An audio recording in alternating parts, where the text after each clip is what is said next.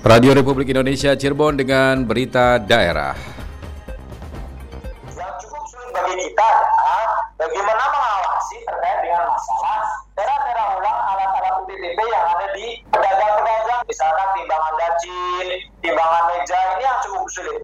Tumpah sampah itu jadi semacam TPS lah. Jadi kita ada tempat pembuangan sementara untuk pengumpul dan mengumpul sampah yang sudah bergulir. Nah selanjutnya nanti tiap waktu LH itu bisa kita panggil untuk pengangkutan.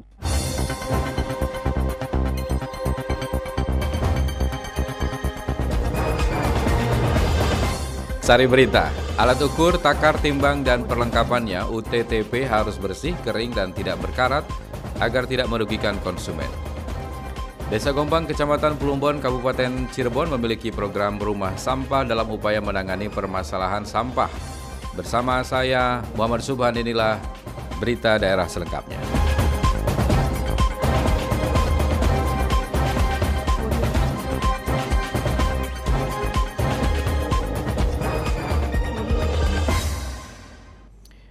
Alat ukur, takar, timbang, dan perlengkapannya UTTP harus bersih, kering, dan tidak berkarat agar tidak merugikan konsumen. Laporan Yulianti.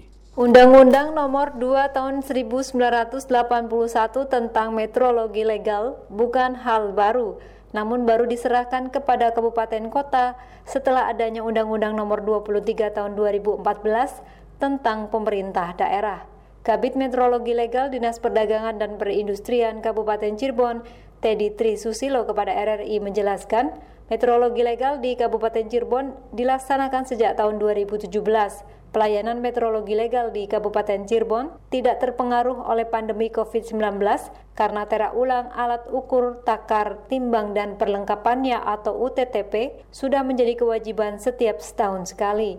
Tera ulang bagi badan usaha biasanya sudah dilakukan secara rutin dan tertib. Tetapi pengawasan tera ulang yang sulit dilaksanakan, terutama pada pemakai UTTP di kalangan pedagang. Hanya untuk pelaku usaha sifatnya badan perusahaan, biasanya itu beliau melakukan tera ulang secara rutin. Untuk yang badan usaha itu, saya kira mereka lebih tahan. Dan bulannya udah SKHP bahasanya. Surat keterangan hasil pengujian. Di situ disampaikan terkait dengan hasil tera-tera ulang yang ada di perusahaan. Yang cukup sulit bagi kita adalah bagaimana mengawasi terkait dengan masalah tera-tera ulang alat-alat UTTP yang ada di pedagang-pedagang, misalkan timbangan dacin, timbangan meja, ini yang cukup sulit. Hanya untuk memastikan siap tahunnya di tera atau tidak itu ada namanya cap tanda terasa. Di situ biasanya ada tanda tahun setiap cap. Di situ ada tulisan tahun. Kalau 20 berarti dia ditera tahun 2020.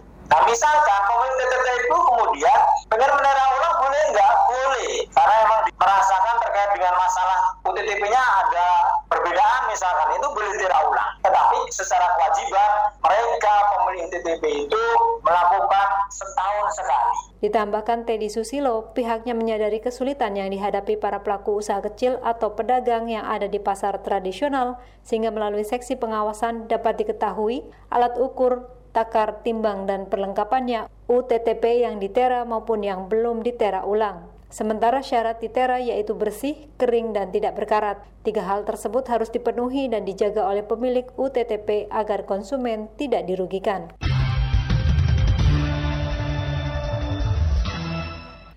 Berikut komentar masyarakat mengenai meteorologi legal di masa pandemi COVID-19.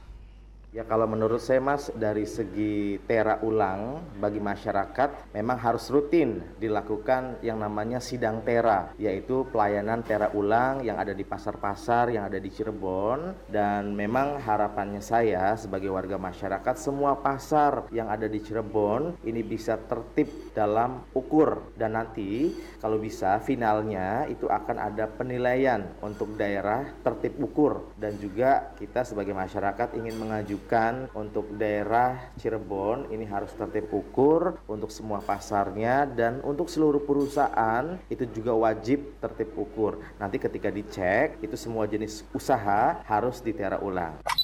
Terkait dengan tera atau pemeriksaan timbangan di kalangan masyarakat itu adalah salah satu tugas daripada meteorologi sebagai instansi yang dipercaya oleh pemerintah dalam mengawasi timbangan yang dipakai oleh masyarakat. Hal ini memang sangat penting sekali untuk menghindari kecurangan-kecurangan yang dilakukan oleh para pedagang sehingga tidak merugikan masyarakat dan kami berharap itu tetap dilakukan secara intensif sehingga masyarakat tidak dirugikan dengan nakalnya para pedagang yang mencoba mengakali timbangan.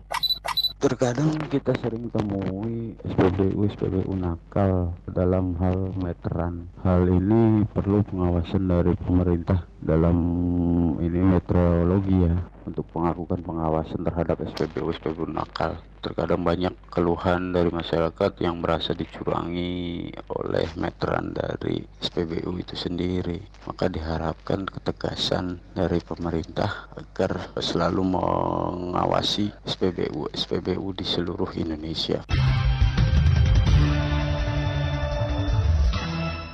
Dan untuk membahas lebih lanjut mengenai meteorologi legal di masa pandemi COVID-19, kita akan ikuti wawancara Aji Satria dengan akademisi Cirebon Muhammad Umar Alwi. Assalamualaikum warahmatullahi wabarakatuh, Kang Muhammad Umar Alwi. Waalaikumsalam warahmatullahi wabarakatuh. Ya, baik Kang Umar, berbicara terkait meteorologi, pengukuran, tera ulang, timbangan dan lain sebagainya di musim pandemi saat ini nih. Ini bagaimana nih menurut Kang Umar nih? Ya, itu kan tera ulang kan sebagai salah satu kebijakan dari pemerintah. Saya kira di saat pandemi ini tera ulang itu sangat tepat sebabkan itu di sana ada terjadi fenomena yang berpihak kepada pembeli uh-huh. ataupun yang apa kejuj ataupun kejujuran bertransaksi. Tera ulang sendiri kan itu sebenarnya untuk memastikan kebenaran dari persoalan alat ukur, kemudian takaran, timbangan dan sebagainya. Saya kira itu sangat perlu sekali di saat apa di saat sekarang uh, terjadi fenomena pandemi. Jangan sampai fenomena pandemi ini bisa dimanfaatkan oleh para pedagang yang curang. Begitu saya kira. Mhm, mhm. Nah, eh, sejauh ini Kang Umar Alwi melihatnya seperti apa nih? Efektifkah kegiatan tersebut untuk Eh, para konsumen atau bagaimana nih Kang Umar? Ya jelas untuk konsumen di situ nanti ada terjadi keberpihakan pada hak-hak konsumen. Kan hak konsumen juga kan sudah diundang-undangkan yaitu kalau nggak salah nomor 8 tahun 1999 tentang hak konsumen. Begitu Mas. Mhm. Nah, sejauh ini pelayanannya bagaimana? Apakah masih memuaskan atau kurang atau bagaimana nih Kang Umar Ali melihatnya? Kalau untuk masalah hal tersebut saya kira masih kurang.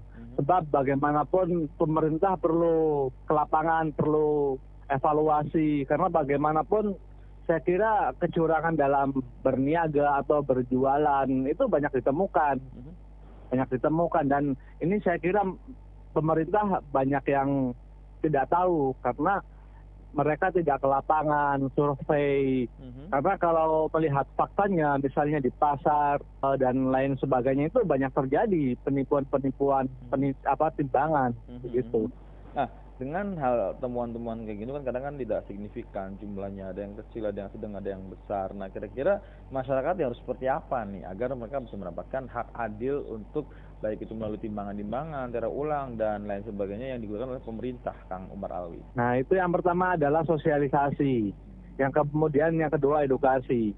Sosialisasi itu dimaksudkan adalah bagaimana masyarakat itu bisa mengetahui mereka itu memiliki hak selaku konsumen.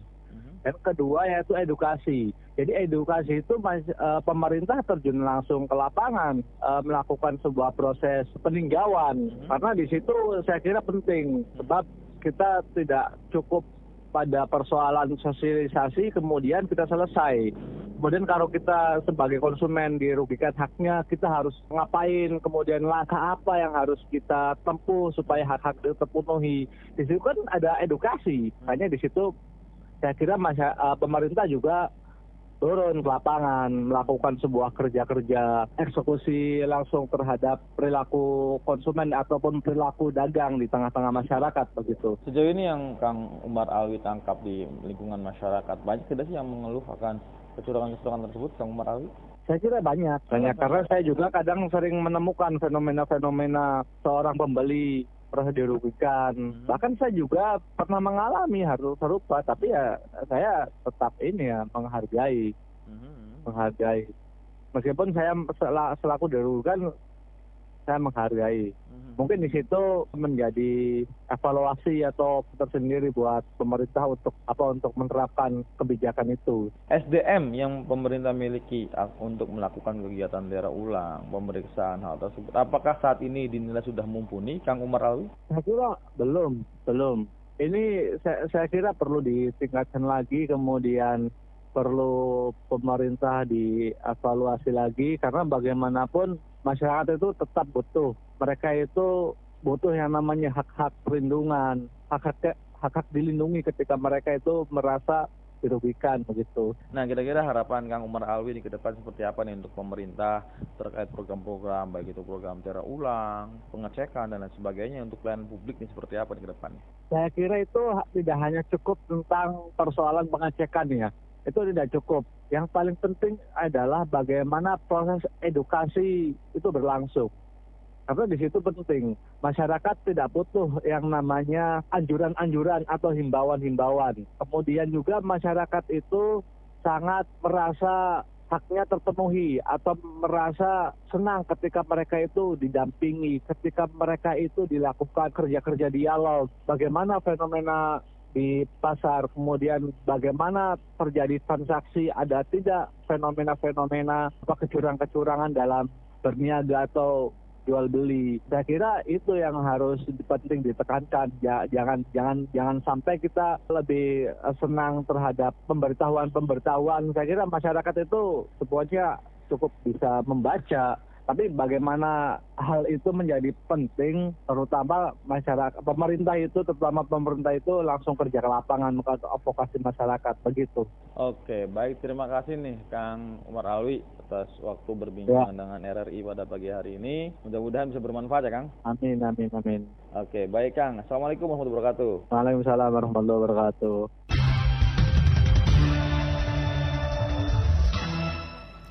Penerapan protokol kesehatan di sektor perdagangan seperti pasar modern dan tradisional dinilai cukup baik. Laporan Neila Fitriana. Hasil evaluasi pemantauan dan pengawasan tim AKB terhadap protokol kesehatan di toko modern, terutama supermarket, dinilai bagus dalam penerapan protokol kesehatan yang cukup ketat. Pengunjung diperiksa suhu tubuh, tidak membolehkan pengunjung yang tidak menggunakan masker. Semakin banyak penyediaan tempat cuci tangan dan hand sanitizer, pintu keluar masuk dibuat terpisah, serta himbauan yang masif dilakukan secara terus-menerus. Demikian diungkapkan Kabit Perdagangan dan Promosi Dinas Perdagangan dan Perindustrian Kabupaten Cirebon, Dadang Heriadi kepada RRI. Namun, menurut Dadang Heriadi, untuk minimarket yang jumlahnya sangat banyak, terpantau hampir semua tidak melakukan pengecekan suhu tubuh menggunakan termogan, tetapi mereka hanya menyediakan tempat cuci tangan dan mengawasi pengunjung tidak memakai masker. Sementara di pasar tradisional milik Pemda, terpantau kurang patuh dalam menjaga jarak sedangkan pasar desa 30 hingga 40 persen pengunjung maupun pedagangnya tidak memakai masker. Pasar tradisional khusus untuk pasar Pemda itu karena memang kepala pasarnya memang di bawah kita semua. Jadi kada dari awal lah gitu sejak ada COVID kita sudah terus-terusan stressing mereka gitu sehingga penerapannya sudah mulai bagus. Cuma yang namanya di pasar kita nggak bisa ya membatasi jarak. Walaupun memang kita udah menghimbau jaga jarak, jaga jarak. Tapi tapi ya itulah namanya mungkin pengunjung konsumen itu karena memang pasar nggak bisa ini kan ya. Pasti banyak pengunjungnya gitu sehingga untuk jaga sampai satu meter tuh agak susah gitu tuh ya. Masih saja berjubel gitu kalau belanja apalagi kalau pagi-pagi seperti itu gitu. Cuma kalau di pasar desa karena memang kita juga kewenangannya tidak sampai ke pasar desa sehingga mereka petugas-petugas atau pengelola pasarnya itu agak beda lah dengan di pasar tradisional yang memang milik Pemda ya yang namanya himbauan juga masih kurang pengunjung dengan pedagang juga masih banyak yang tidak menggunakan masker gitu walaupun memang mayoritas sudah mudah menggunakan sih mayoritas ya tapi ya sekitar 20 sampai 30 persennya banyak yang tidak menggunakan gitu ya masyarakat mungkin karena memang edukasinya itu masih kurang ke pengunjung maupun kepada pedagang. Dadang Heriadi menambahkan pihaknya terus mengkoordinasikan kepada kecamatan agar mendorong pemerintah desa tidak bosan untuk selalu mensosialisasikan dan edukasi terkait penerapan protokol kesehatan di pasar desa. Walau pengawasan terhadap protokol kesehatan di sektor perdagangan telah dilakukan, namun Disperdagin secara internal melakukan pemantauan di pasar modern dan pasar tradisional. Neila Fitriana melaporkan. Kasus terkonfirmasi positif COVID-19 di Kabupaten Cirebon hari ini kembali bertambah satu orang sehingga total menjadi 74 kasus.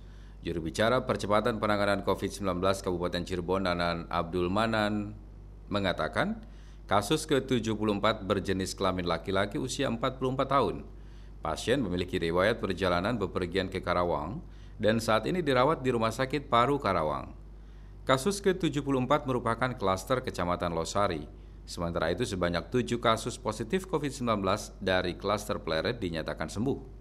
Kepala Puskesmas Pleret, Dewi Waskito Ningtyas mengatakan, meski sudah dinyatakan sembuh tapi pasien masih harus menjalani isolasi mandiri selama 14 hari di rumahnya masing-masing.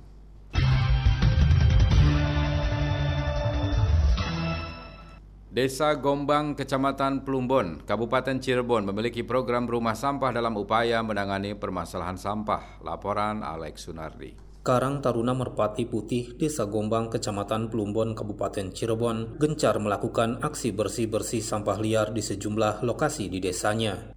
Kegiatan ini merupakan bentuk kepedulian dan rasa tanggung jawab Karang Taruna terhadap kebersihan lingkungan sekaligus memberikan edukasi kepada masyarakat untuk tidak membuang sampah sembarangan. Ketua Karang Taruna Merpati Putih, Ajis Muslim, kepada RRI mengatakan dalam upaya mengurangi dan mencegah masyarakat membuang sampah di tempat yang tidak seharusnya, pihaknya memiliki program rumah sampah yang menampung sampah sementara sebelum diangkut mobil dari Dinas Lingkungan Hidup. Rumah sampah itu jadi semacam TPS lah, jadi kita ada tempat pembuangan sementara untuk pengumpul dan mengumpul sampah yang sudah bergulir. Nah selanjutnya nanti tiap waktu LH itu bisa kita panggil untuk pengangkutan. Ajis Muslim menambahkan permasalahan sampah di Kabupaten Cirebon menjadi persoalan serius dan tanggung jawab semua pihak, apalagi dalam beberapa tahun terakhir mengalami darurat sampah. Permasalahan sampah sebenarnya bisa diselesaikan di tingkat desa masing-masing jika ada keseriusan untuk menanganinya. Alex Sunardi melaporkan.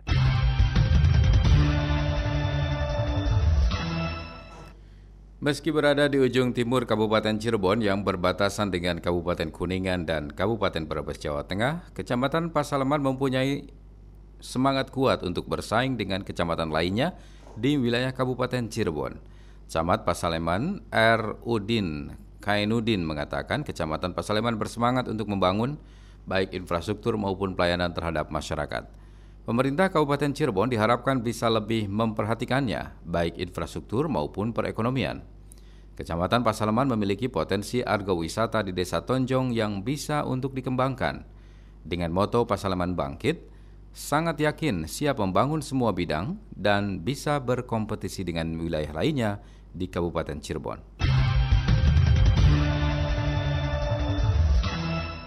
Sekian berita daerah dan selamat pagi. Demikian rangkaian berita aktual pagi ini dalam Buletin Berita Daerah Radio Republik Indonesia Cirebon.